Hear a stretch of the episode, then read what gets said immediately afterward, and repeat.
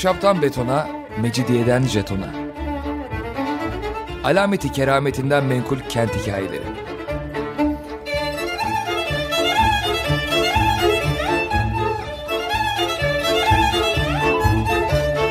Hazırlayan ve sunan Pınar Erkan.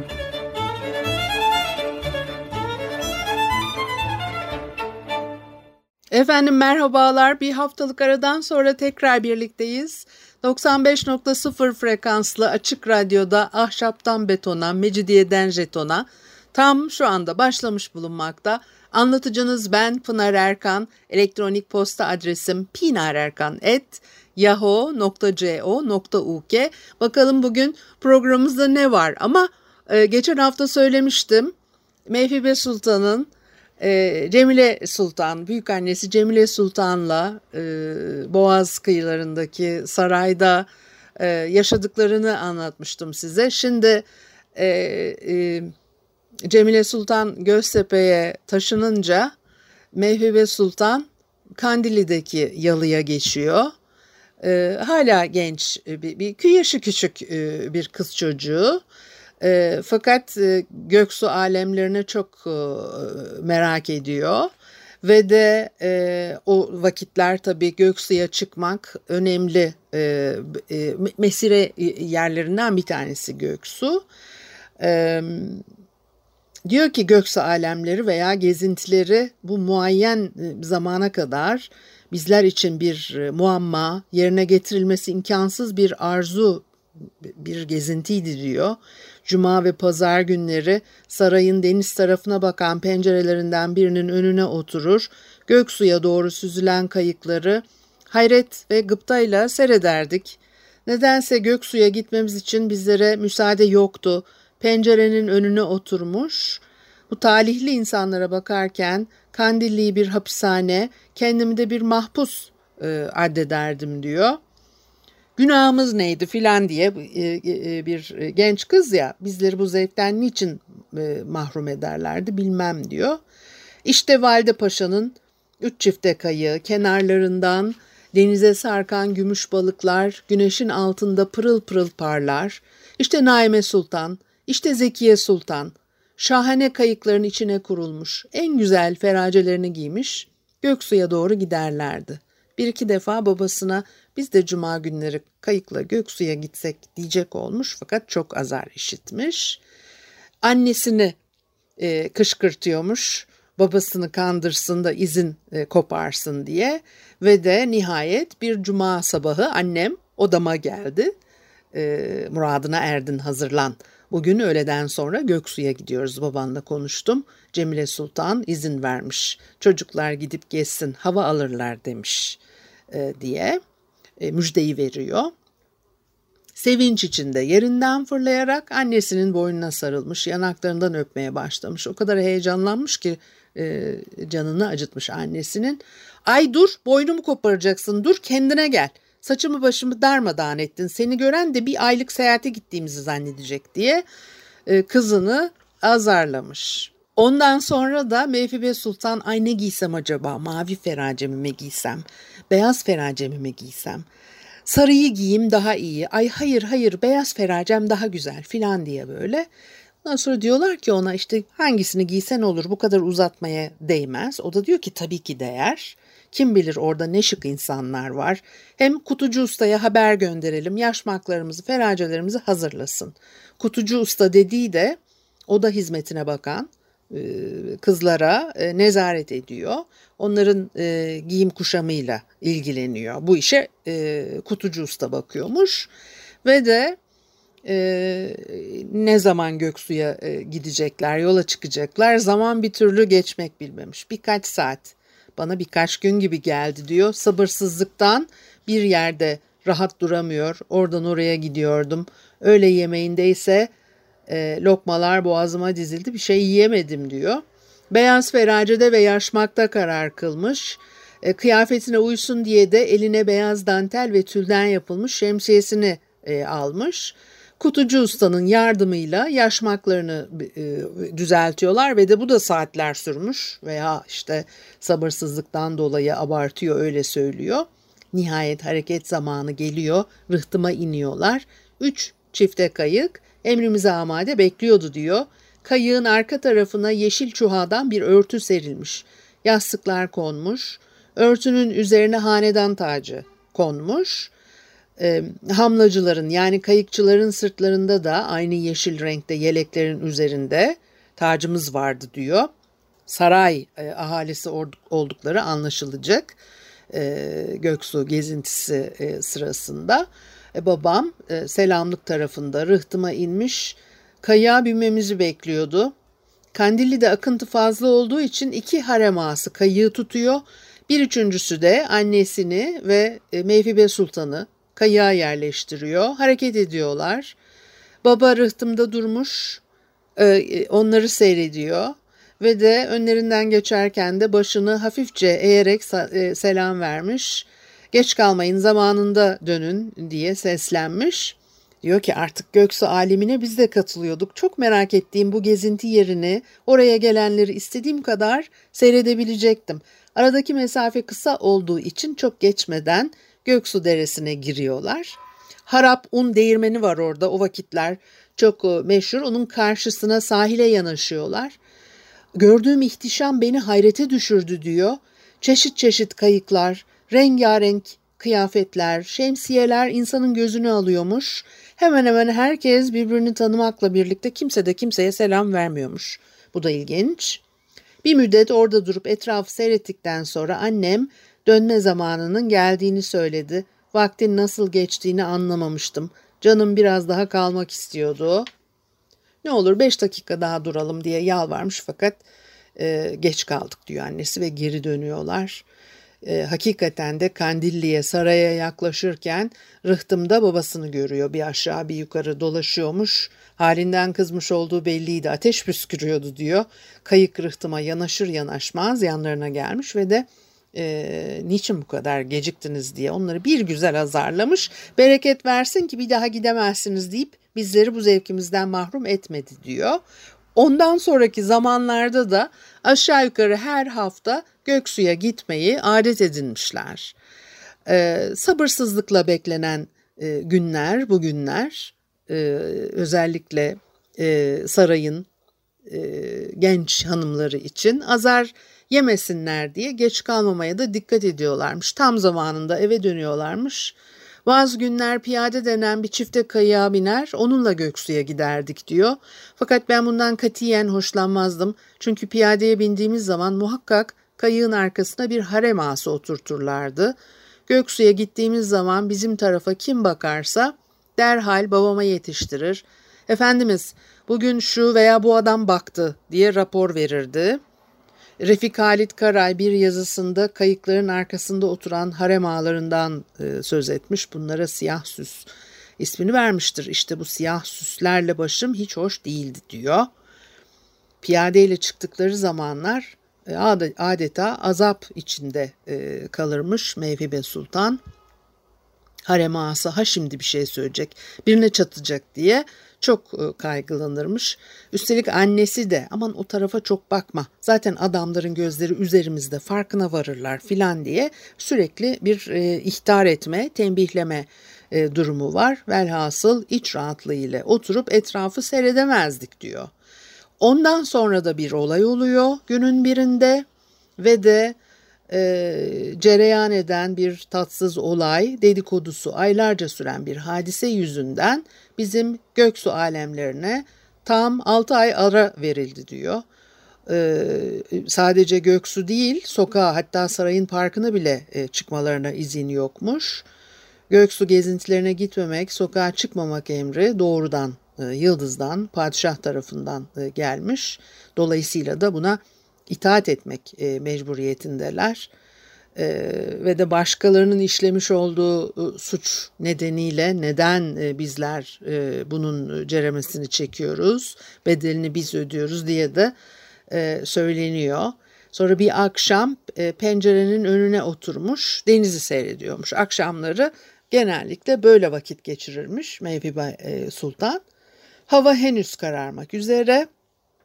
Karşı sahilde Bebek'te tek tük ışıklar parlıyor. Ortalık sakin, sessiz. Ara sıra uzaktan bir vapur düdüğü işitiliyor. Rıhtım önünden bir iki kayık geçiyor veya bir vapur süzülüyor. Denizin ortasına balıkçı kayıkları serpilmiş. Birbirine seslenen balıkçıların sesleri bana kadar geliyordu diyor. Karşı sahilden doğru bir muşun bizim tarafa geldiğini gördüm. Alacakaranlıkta yaklaşan muş sarayın önündeki rıhtıma yanaştı. Gelenler herhalde babamın misafirleriydi. Biraz sonra bu tahminimde yanıldığımı anladım. Çünkü muştan rıhtıma atlayanlar misafir değil, yıldıza mensup birkaç adam, hatta bazısında üniforma vardı. İçlerinden iki kişi ayrılarak harem kapısına doğru yürüdüler. Diğerleri muşun yanından ayrılmadı. Doğrudan doğruya selamlığa gitmeyip hareme gelmeleri tuhafımıza gitmişti. Kafese abanarak neticeyi merak içinde e, bekledim diyor. Aradan 5-10 dakika geçtikten sonra yanlarında e, harem ağası Saffet Ağa olduğu halde dışarıya çıkmışlar. Yani Saffet Ağa'yı almaya geliyorlar. Saffet Ağa eliyle bir şeyler işaret ediyor. Hararetli hararetli konuşuyor. Muş'a binip e, gitmişler. İyice görmemekle beraber Saffet Ağa'nın ürkek, sinirli bir halde olduğunu fark edebildim. Her hareketi korkmuş olduğunu gösteriyordu. Merakım büsbütün artmıştı. Bizim Saffet Ağa'yı acaba nereye götürüyorlardı? Bilhassa babamla görüşmeden alıp götürmeleri pek acayipti. Vaziyeti anlamak üzere aşağıya kapıya indim. Kızlardan birkaçı kapının önünde birikmiş. Telaşlı telaşlı konuşuyorlar. Beni görünce sustular. Kimdi o adam? Saffet Ağa'yı nereye götürdüler diye sordum. İçlerinden Clemens, biz de bilmiyoruz cicim. Yıldız'dan gelip aldılar. Galiba padişah istetmiş diye cevap verdi diyor. Sonrasında ne olmuş? Bir müzik arası verelim ve e, Saffet Ağa'yı e, saraya niye götürmüşler öğrenelim. Efendim Açık Radyo'da Ahşaptan Betona, Mecidiyeden Jeton'a devam ediyor. Haliyle Pınar Erkan'ı dinlemektesiniz. Ve de e, Saffet Ağa'yı Kandili'deki saraydan alıp alıp alıp alıp e, niye götürdüler? Meyfibe Sultan çok merak ediyordu. E, çünkü padişah e, kendisini çağırtmış. Ondan sonra e, o akşam e, Saffet Ağa'nın dönmesini merakla bekliyorlar. Pencerenin yanından bir dakika bile ayrılmıyorlarmış. Ve de saatler geçtikçe korkuları artıyor. Yatma zamanı çoktan gelip geçmiş. Nihayet geç vakit Muş'u uzaktan görmüşler, içleri rahatlamış. Muş yine rıhtıma yanaşıyor. Karaltılar çoğalmış, fenerler ışığında bir ikisinin yüzünü görebiliyordum. Fakat aralarında Saffet Ağa'yı seçemedim diyor. Eğilmişler kalkmışlar muşun içinde acayip hareketler ve en sonunda da rıhtıma bir sedye çıkarmışlar. Karanlık olduğu için sedyede kimin yattığını da göremiyor sarayın ahalisi. Çok meraklanıyorlar. Sonra aradan 10-15 dakika geçiyor. Dadı odaya giriyor. Gözleri kıpkırmızı olmuş ağlamaktan ve de e, Mevhibe Sultan'a diyor ki Saffet Ağa'ya yıldızda inme inmiş. Daha padişahın yanına çıkmadan olduğu yere yığılmış. Sedyeye koydukları gibi geri getirmişler. Ve de doktor çağırıyorlar. Ee, e, e, inme inmiş adama ölmüş korkudan kaygıdan ve e, neden saraya çağırdı, çağrıldığını da ancak sonradan öğrenebilmişler. E, zaten hastalıklı bir adammış, yaşlı bir adammış Saffet Ağa. Padişahın huzuruna çıkarken acaba başıma ne gelecek korkusuyla inme iniyor. Padişahsa Saffet Ağa'yı 6 ay kadınlardan kimsenin sokağa çıkmamasını tembih etmek için e, çağırtmış. E, tabii nereden bilsin Saffet Ağacık daha huzura girmeden düşmüş bayılmış neyse inme inmiş. E, çünkü bu tür olaylar o kadar sık yaşanıyor ki e, padişah e, kardeşinin e, kocasını bile gördüğünüz gibi e, boğduru veriyor. Dolayısıyla da o kaygılar çok büyük. Saffet mı kaygıya kapılmayacak? Şimdi Abdülhamit'in bu emri vermesine sebep bir aşk macerası. Abdülhamit'in damadı Kemalettin Paşa ve de 5. E, Murat'ın kızı Hatice Sultan arasında bir aşk macerası geçiyormuş. E, Naime Sultan'ın e, yani Abdülhamit'in kızı e, Naime Sultan'ın eşi Kemalettin Paşa ve de 5. Murat'ın e, kızı Hatice Sultan'la o aşk mevzu e, aylarca bir sır işte saklamayı başarmışlar fakat nihayet patlak vermiş ve padişaha kadar da gitmiş. Padişah da tabii çok sinirleniyor. Kemalettin Paşa'yı derhal kızı Naime Sultan'dan e, boşatmış ve paşayı da e, Bursa'ya sürdürmüş. E, böyle şeyler olmasın diye saraylardaki kadınların bir müddet için sokağa çıkmasını men etmiş. Mevhibe Sultan diyor ki ne olduysa bize oldu. 6 ay Göksu'ya gidemedik.